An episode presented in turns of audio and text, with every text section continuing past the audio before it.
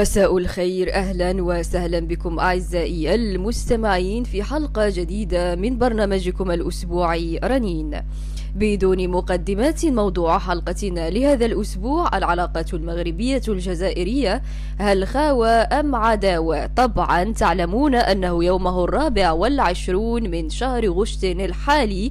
أعلن وزير الخارجية الجزائري قرار دولته لقطع علاقاتها الدبلوماسية مع المغرب صدفة. وإن عدنا إلى الوراء قبل 27 سنة سنجد هذا التاريخ هو نفسه ذكرى تفجير فندق أطلس إسني بمراكش سنة 1994 الحادث الإرهابي الشهير الأكيد أن النظام الجزائري تعمد أن يخلد تلك الذكرى الأليمة بالنسبة للمغاربة بقطع علاقاته الدبلوماسية مع المغرب. للإشارة فقط السلطات المغربية بعد تحقيقاتها اتهمت المخابرات الجزائرية بالوقوف وراء هذا الحادث الذي صنف كأول حادث إرهابي تشهده المملكة المغربية في تاريخها. وتم اعتقال ثلاثة أشخاص جزائريين حاصلين على الجنسية الفرنسية هم هامل مرزوق ستيفن أيتيدر ورضوان حماد. حيث تم إدانة اثنين منهم بالسجن المؤبد وواحد بالإعدام. وخلفت هذه العملية 37 قتيلا قتيلا من نزلاء الفندق وجريحا واحدا من جنسية فرنسية. لنبدأ سرد وقائع الأزمة بين المغرب والجزائر وكيف وصلت إلى حد قطع العلاقات. مخطئ من يعتقد أن السلطات المغربية في الماضي كانت تتعامل دبلوماسيا مع الجزائر إنما كل تعاملاتها كانت مع من يمتلك السلطة والنفوذ على الجزائر. فمثلا خلال الإمبراطورية المرابطية والموحدية كانت الجزائر جزءا من المغرب. وبالتالي لم تكن هناك مشاكل بين دولتين منفصلتين إنما دولة مركزية ومناطق تابعة لنفوذها. أما إبان الاحتلال العثماني للجزائر فكانت فترة مليئة بالحروب والمواجهات والدماء بين الجيش العثماني والجيش المغربي خلال حكم كل من الوطاسيين والسعديين للمغرب. وذلك لأن الأخير رفض الاستسلام لحكم العثماني. العثمانيين وكان يدافع بشراسة لترسيم الحدود بين الدولتين واسترجاع أراضيه المسلوبة. ولعل أبرز الأحداث اغتيال السلطان السعدي محمد الشيخ على يد العثمانيين بعد أن خرج في نزهة للصيد حيث احتفل سليمان القانوني برأس السلطان السعدي واعتبره إنجازا وانتصارا لأن محمد الشيخ وهو والد أحمد المنصور الذهبي شن هجوما لاسترجاع أراضيه المسلوبة وتمكن المغاربة آنذاك من ضم تلمسان للحكم السعدي. جن جنون العثماني لدرجة أنهم بدأوا يزرعون الفتنة ويدعمون الوطاسيين ضد السعديين من أجل تقسيم المغرب وبالتالي إضعافه والسيطرة عليه. لكنه كلما آه، كانوا يدخلون في معركة كانت تنتهي بانتصار المغاربة. نذكر على سبيل المثال معركة وادي اللبن شمال فاس سنة 1558 توالت الأحداث بعد ذلك إلى أن وصل العلويون للحكم في الدولة المغربية واستمرت الجزائر تحت الاحتلال العثماني إلى أن سلم العثمانيون مفاتيح الجزائر لفرنسا سنة 1830 استمر هذا الاحتلال منذ سنة 1514 إلى 1830 أي ثلاثة قرون وست عشرة سنة. أما الاحتلال الفرنسي فاستمر قرنا واثنين وثلاثون سنة. بالتالي إذا ما تحدثنا عن العلاقات الثنائية في الماضي ستجدها انتهت سنة 1514 يعني بعد سقوط الدولة الزيانية التي كانت تحكم شمال ووسط الجزائر الحالية. فقط بالتالي لم يتعامل المغرب مع الجزائر كدولة مستقلة لمدة أربعة قرون ونصف تصور. فاصل قصير ونعود بعد قليل خليكم معنا.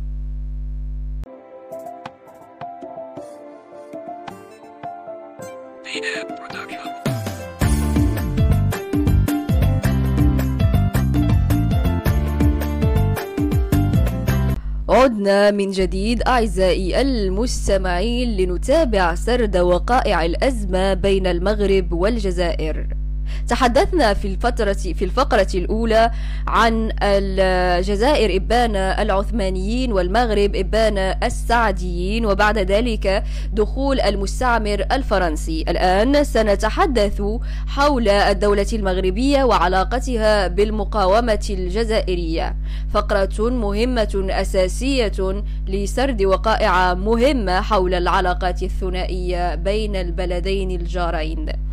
اتخذ قادة المقاومة الجزائرية من وجدة ونواحيها قواعدا عسكرية لهم بدعم من المغاربة الذين وفروا لهم الحماية اللازمة والأمان كي يؤسسوا أساسيات الثورة وتكوين النواة الجديدة للحكومة حيث حملت اسم مجموعة وجدة النواة الصلبة للحكم بعد استقلال الجزائر. تصور أن وجدة التي يهاجمها الجزائريون حاليا كان كانت مرتعا لثوار الجزائر لم يكن غريبا على المغرب الدعم الكامل للجزائر فبسبب دعمه لها تعرض لضغوطات وحملات عسكرية شرسة من طرف المستعمرين الإسباني شمالا والفرنسي شرقا.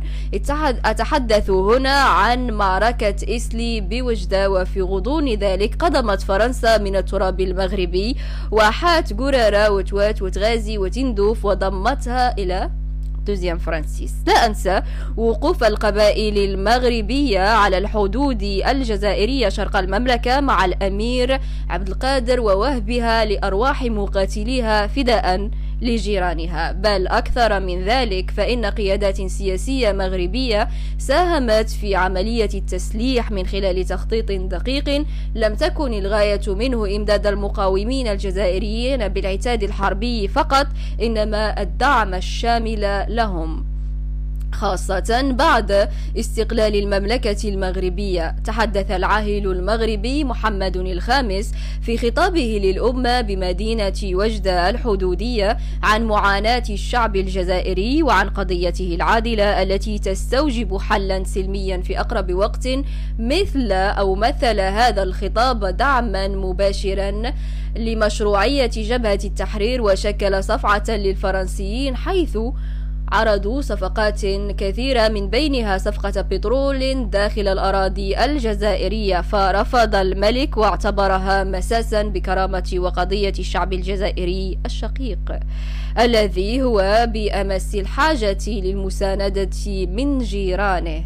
تحدث أحمد توفيق البدني وهو أبرز ثوار الجزائريين بأن اللقاء مع الملك أثمر عن دعم لا محدود للجبهة في الجزائر فبعد ترحيب الملك أكد لهم أنه شريك في الأخوة والجهاد والقضية الجزائرية العادلة.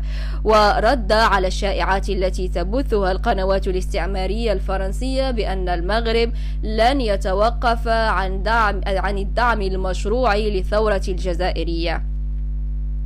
تحدث كذلك عن السفينة المحملة بالمؤن والأسلحة بطنجة وكان الرد الملكي أنها ستكون بين أيدي الثوار حيث قال لن أرد لك رجاء فليتصل بي الأخ مبروك بوسيلته المعروفة وأكمل له الثمن المطلوب اشتراكا مني في الجهاد. هذا جزء بسيط من تعامل المخزن مع الجزائر.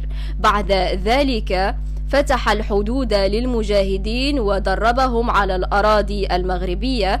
بأوامر من العاهل المغربي شكلت أماكن طبية آمنة للمصابين. فحتى بخروبة أو الهواري بومدين قد عولج من داء السل باسم مستعار وبطاقة مغربية بمدينة تطوان.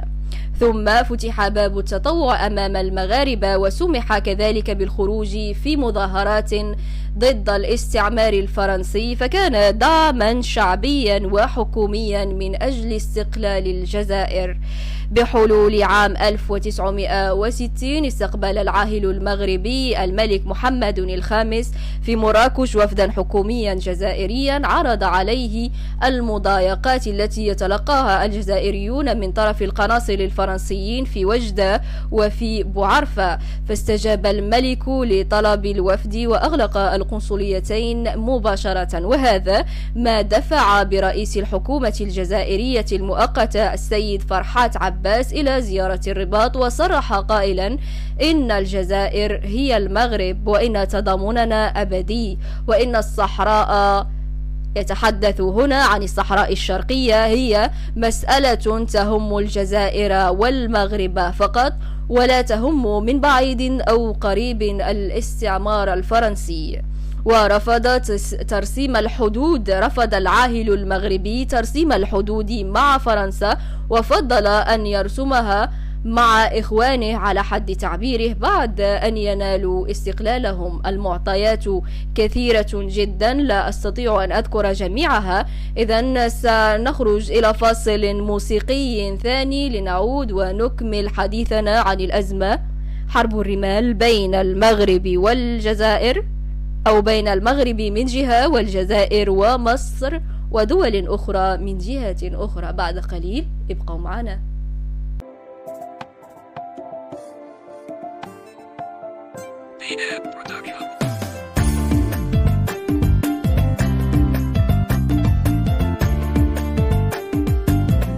عدنا أعزائي المستمعين وإلى الفقرة الثالثة من العلاقات بين المغرب والجزائر.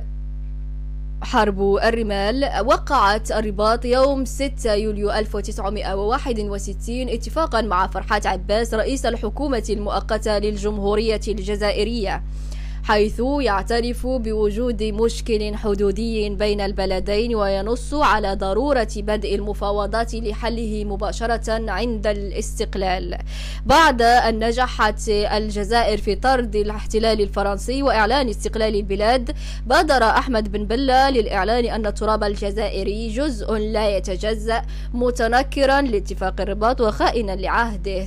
قاد الملك الحسن الثاني وفدا دبلوماسيا في زيارة الجزائر الجزائر للوصول إلى حل دبلوماسي بين الطرفين لترسيم الحدود الشرقية بعد أن عمد الاحتلال الفرنسي إلى اقتطاع أجزاء واسعة من الأراضي المغربية وضمها للجزائر ليرد بن بلا ويطلب من الملك تأجيل مناقشة الموضوع إلى حين تأسيس ركائز الدولة الحديثة. هنا حدث أمر داخلي في الجزائر فلم يكن في الحسبان حيث طالبت باقي فوالق المقاومة الجزائرية منها بالقبائل مشاركة المشاركة في الحكم وألا يقتصر فقط على بن بلة ورفاقه وأعلنت عصيانها فلم يكن أمامهم سوى خلق عدو خارجي وهمي لتوحيد الجبهة الداخلية. بشرت وسائل الإعلام الجزائرية مهاجمة المغرب كما تفعل اليوم تماما واتهامه بنية التوسع وإعطاء الأوامر لضرب ثكنات عسكرية مغربية. في الثامن من أكتوبر 1963 أعطى ضابط جزائري تعليماته لفيلق جزائري كان تحت إمرته بمهاجمة المركز الحدودي حسي البيضاء الحادث أسفر عن مقتل عشرة أفراد من القوات المسلحة المغربية الملكية التي كانت مرابطة في الثكنة الحدودية التي أحرقت بالكامل حيث لم تكن الثكنة مجهزة إلا بأسلحة خفيفة. تم رصد جميع القوات المسلحة الملكية آنذاك وبعد ذلك الهجوم وتأهبها للحرب للرد على تلك الجريمة الشنعاء في حق العساكر المغاربة. خلال هذه الحرب بعث جمال عبد الناصر ألف جندي مصري لمحاربة المغرب محملين بعتاد ثقيل تضامنا مع الجمهورية الصبية. فكان سبب تحامل عبد الناصر على المغرب هو أنه أزاح الحكم الملكي في مصر وقاد انقلابات عسكرية في عدة دول ضد أنظمتهم الملكية حيث كان يعتبر أن الحكم الملكي حكما رجعيا. لذلك هب لمهاجمة المغرب. وبعد ذلك قدم له الملك المغربي هدية ثمينة حيث قدم له ثلاثة أسرى من بينهم محمد حسني مبارك رئيس مصر السابق. إذا انتصر المغرب انتصارا كاسحا في هذه الحرب وتقدما عسكريا بارزا على الجزائر. واستمرت الحرب لأيام معدودة قبل أن تتوقف المعارك في الخامس من نوفمبر سنة 1963 بعد أن تباكت الجزائر على الأمة العربية وعلى المستعمر الفرنسي لكي يتدخل وينقذها من الجيش المغربي حيث نجحت فعلا جهود جامعة الدول العربية ومنظمة الوحدة الإفريقية في توقيع اتفاق نهائي لإطلاق النار في 20 من فبراير. بقيت العلاقات متوترة بين البلدين وازداد الوضع تعقيدا بعد تنظيم المغرب للمسيرة الخضراء عام 1975 التي شارك فيها نحو 350 ألف مغربي دخلوا إلى الصحراء المغربية بشكل سلمي وحضاري. انتهى وجود الاستعمار الإسباني في المنطقة. لم تستسغ الجزائر استقلال جنوب المغرب وعلمت أن انتهاء الاحتلال الإسباني لجنوب المملكة هو بداية جديدة لفصل جديد بين البلدين على الصحراء الشرقية. فلم يكن أمامها سوى صناعة جماعة مسلحة انفصالية تدعو للاستقلال عن المملكة المغربية. أنشئت داخل فندق بالعاصمة الجزائرية ثم قامت بطرد 350 ألف مغربي ومغربية يوم عيد الأضحى تهجيرا قسريا عنيفا وألقت بهم على الحدود بين البلدين وفرقت بين الزوج وزوجته وبين الرضيع وأمه. سرقت الممتلكات الشخصية للأسر المغربية المطرودة حيث عاش أولئك المهاجرون المغاربة أوقاتا عصيبة مذلة من طرف عسكر الهواري. وصلت إلى الاغتصاب. بينما حظيت البوليزاريو بالدعم الكامل من الجزائر ماديا ودبلوماسيا ولوجستيكيا فدخل المغرب في حرب عصابات مع الجزائر تحت غطاء البوليزاريو. استمرت لسنوات طويلة توسطتها محاولات لإنهاء الأزمة. وصلت أن الجزائر طلبت باقتسام الصحراء بين المغرب والجزائر بوتفليقة حالمة بالمحيط الأطلسي لكن الملوك المغاربة أجهضوا ذلك الحلم إلى الأبد. المغرب التي دخلت حربا مع كل مع من الجزائر كوبا ليبيا القذافي ودول إفريقية أخرى لسوء حظهم تحالفوا على الخسارة حيث تكبدوا خسائر كبيرة استطاعت القوات المسلحة الملكية ضم أكثر من 80% من الأراضي الصحراوية المغربية وبسط سيطرتها الكاملة عليها. سنة 1991 تم الاتفاق على وقف إطلاق النار بين العصابة المسلحة والمغرب ذلك لسبب واحد فقط وهو أن الجزائر كانت تمر بما يسمى العشرية السوداء فوجدت نفسها غير قادرة على الدخول في حربين اثنتين في نفس الوقت. أغتنم الفرصة وأدعوكم لقراءة كتاب الحرب القذرة لكي تعلموا كيف تورط الجزائريون والجيش الجزائري بالذات في جرائم حرب في جرائم إرهاب ضد شعبه سنة 1994 بعد ضلوع المخابرات الجزائرية الإرهابية في القيام بعمل إرهابي بمراكش فرضت السلطات المغربية التأشير على المواطنين الجزائريين من أجل دخول أراضيها وتأمين حدودها أغلقت الحدود منذ ذلك الوقت إلى يومنا هذا. نواصل حلقتنا المطولة حول العلاقة بين المغرب والجزائر في, ألو... في الفقرة الموالية. سنقفز إلى الألفينيات وما حملته من تغييرات ومبادرات. انتظرونا.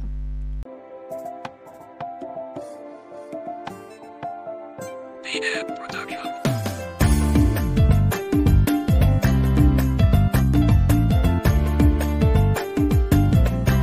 في هذه الفقرة سوف نتطرق لأهم المحطات في العلاقة المغربية الجزائرية في العشرين سنة الأخيرة.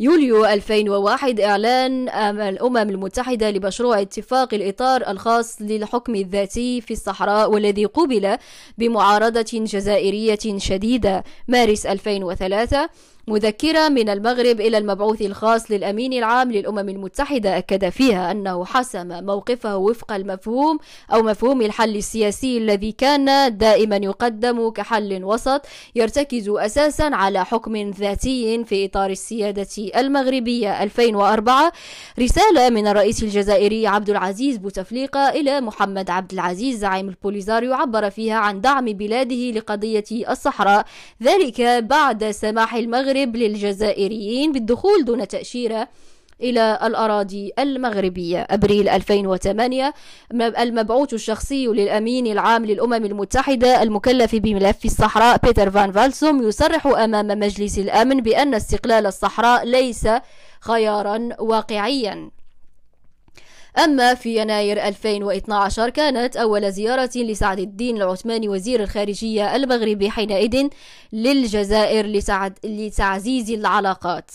ديسمبر 2013 الجزائر قررت مقاطعة الاجتماعات والنشاطات السياسية التي قد تقام في المغرب بعد حكم القضاء المغربي بمعاقبة شاب أهان العلم الجزائري بشهرين حبسا مع وقف التنفيذ وغرامة مالية قدرها 250 درهما. نوفمبر 2015 العاهل المغربي محمد السادس يدعو الرئيس الجزائري إلى الارتقاء بالعلاقات الثنائية إلى مستوى تطلعات الشعبين والعمل على بناء اتحاد المغرب العربي وذلك في برقية تهنئة بمناسبة, بمناسبة احتفال الجزائر بالذكرى الستين لاندلاع ثورة التحرير ضد الاستعمار الفرنسي. سنة 2016 وفاة محمد عبد العزيز زعيم الجبهة الانفصالية وإبراهيم غالي خلفا له. 2016 منطقة الجرجارات تشهد توترا بين جبهة البوليزاريو والمغرب والبعثة الأممية لتنظيم الاستفتاء بالصحراء مينورسو تتدخل لمنع المواجهات والطرفان يسحبان قوتهما بعد دعوة الأمين العام للأمم المتحدة. أما في مارس 2017 مشادة كلامية بين مندوبي المغرب والجزائر بالجامعة العربية على خلفية رفض المندوب الجزائري كالعادة إدراج بند لمشروع القرار الذي سيرفعه المندوبون الدائمون لاجتماع وزراء الخارجية يرحب بعودة المغرب. للاتحاد الإفريقي. أبريل 2017 المغرب يستدعي السفير الجزائري لدى الرباط ويعرب عن قلقه البالغ إزاء أوضاع نازحين سوريين على الحدود مع الجزائر والخارجية الجزائرية. تعلن استدعاء السفير المغربي لإبلاغه رفضها القاطع لما وصفته بالادعاءات الكاذبة بين قوسين. أما عن أكتوبر 2020 قطاع طرق صحراويون أغلقوا المعبر الحدودي الوحيد الذي افتتحه المغرب عام 2002 لإيصال منتجاته إلى غرب إفريقيا عبر الأراضي الموريتانية. في نوفمبر 2020 المغرب يعلن إقامة حزام أمني لتأمين تنقل الأشخاص ونقل السلع والبضائع عبر معبر الجرجارات الحدودي ويسيطر على المعبر وجبهة البوليساريو تعلن انتهاء وقف إطلاق النار الذي جار التوصل إليه عام 1991 أما في يونيو 2021 ممثل المغرب الدائم لدى الأمم المتحدة يدعو إلى آه، حق تقرير المصير لسكان منطقة القبائل في الجزائر كما يقر النظام الجزائري. حق تقرير المصير بالنسبة لسكان الصحراء. في الرابع والعشرون من أغسطس 2021 الجزائر تقطع علاقاتها مع المغرب. والمغرب يعرب عن أسفه لقرار الجزائر بقطع العلاقات.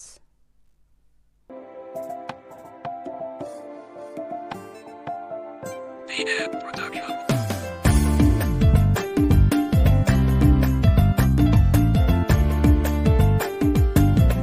استقبل المغاربة خبر قطع العلاقات الدبلوماسية بسخرية. كبيرة حيث أن قطع العلاقات الدبلوماسية في هذا التوقيت بالذات هروب ماكر للنظام العسكري الجزائري من مشاكله الداخلية حيث أنه يعلم أنه على مقربة من انهيار كلي ولا ننسى أن حراك شعبه لا زال مستمرا ضد نظامه وأنه يعاني من أزمات في المواد الغذائية الأساسية في نفس الوقت. نعتبر القرار اعترافا ضمنيا بالهزيمة التي ألحقته به الدبلوماسية المغربية حيث حصل المغرب على اعترافات عدة دول بمغربية صحرائه فيما سحبت دول أخرى اعترافها بالكيان الوهمي وشكلت عودة المغرب القوية للاتحاد الإفريقي وحصوله على هذا الدعم غير المسبوق ضربة قاضية لنظام الكبرانات الجزائري التابع لفرنسا. بالرغم من أنهم حاولوا التقرب من إسبانيا عبر دعمها في قضيتي سبتة ومليليا المغربيتين بعد الأزمة الأخيرة بين المغرب وإسبانيا واعتبار الجزائر المدينتين مدينتين إسبانيتين نكاية في المغرب. عقلية الصبيان والرعاع التي يتمتع بها النظام الجزائري. إلا أن إسبانيا خرجت مؤخرا بتصريح رسمي وعبرت عن استعدادها للحوار مع المملكة المغربية وإصلاح العلاقات الثنائية. أما عن الغاز الجزائري الذي يمر نحو إسبانيا عبر الأراضي المغربية فهو ورقة ضعيفة جدا حيث لا تمثل الأرباح من هذه العملية سوى 7% وهو رقم ضئيل لا قيمة له في اقتصاد الدول. وسيتم تعويضه في القريب العاجل بأنبوب الغاز النيجيري. وللإشارة فقط أعلنت شركة SDX إنرجي البريطانية عن اكتشاف حقول غاز في مناطق عديدة من المملكة المغربية. قطع علاقات دبلوماسية بين بلدين لا تجمع بينهما أي علاقات دبلوماسية أو تجارية أو تعاون لا يغير شيئا. إذا كانت أسباب رفض الجزائر لمساعدات المغربية في الحرائق كما يقول النظام دعم القبائل فلماذا يتسول النظام العسكري الحاكم من المستعمر الفرنسي مروحيات إطفاء؟ هل يعتبر فرنسا الأمة الروحية لجيشه الوطني؟ ربما. وإذا كان قطع العلاقات لنفس السبب فلماذا لا تقطع الجزائر علاقتها مع فرنسا التي تحتضن حركة الماك وتدعمها على أرضها وتعطيها الحق في طباعة جوازات السفر والبطائق الخاصة بالشعب القبائلي؟ وإذا كان السبب في ذلك أن الوزير الإسرائيلي هاجم الجزائر من المغرب فلماذا لا تردون على إسرائيل بالاسم؟ أحيطكم علما أن الجزائر تدعم حل الدولتين وبالتالي تعترف ضمنيا بدولة إسرائيل ولا يغفل عنا وعنكم. المبادلات التجارية بينها وبين إسرائيل تحت الطاولة والجميع يعلم حتى الشعب الجزائري لكنه يتظاهر عكس ذلك. ختاما. سألني أحد الجزائريين عن حرب الرمال فقال لي نعم عسكريا فزتم لكن ماذا خسرت الجزائر؟ قلت له خسرتم رجولتكم. أما الأراضي فتسلب وتسترد لا خوف عليها إنما الرجولة إن ذهبت لم تعد. مهما عملتم لن تعد. إلى هنا انتهت حلقتنا لهذا اليوم. نزولا عند طلبكم وطلب المتابعين العرب الذين يجهلون طبيعة العلاقات بين البلدين. أنتظروا ردودكم وتعليقاتكم. أعتذر عن رداءة الصوت لأنني لازلت أعاني من أعراض ما بعد الكوفيد. دمت في رعاية الله وحفظه. أضرب لكم موعدا الأسبوع المقبل بإذن الله. موضوع جديد وربما ضيوف جدد. رافقتكم خلف الميكروفون. أضمن مولات الهمة والشان على الإنستغرام. إلى اللقاء.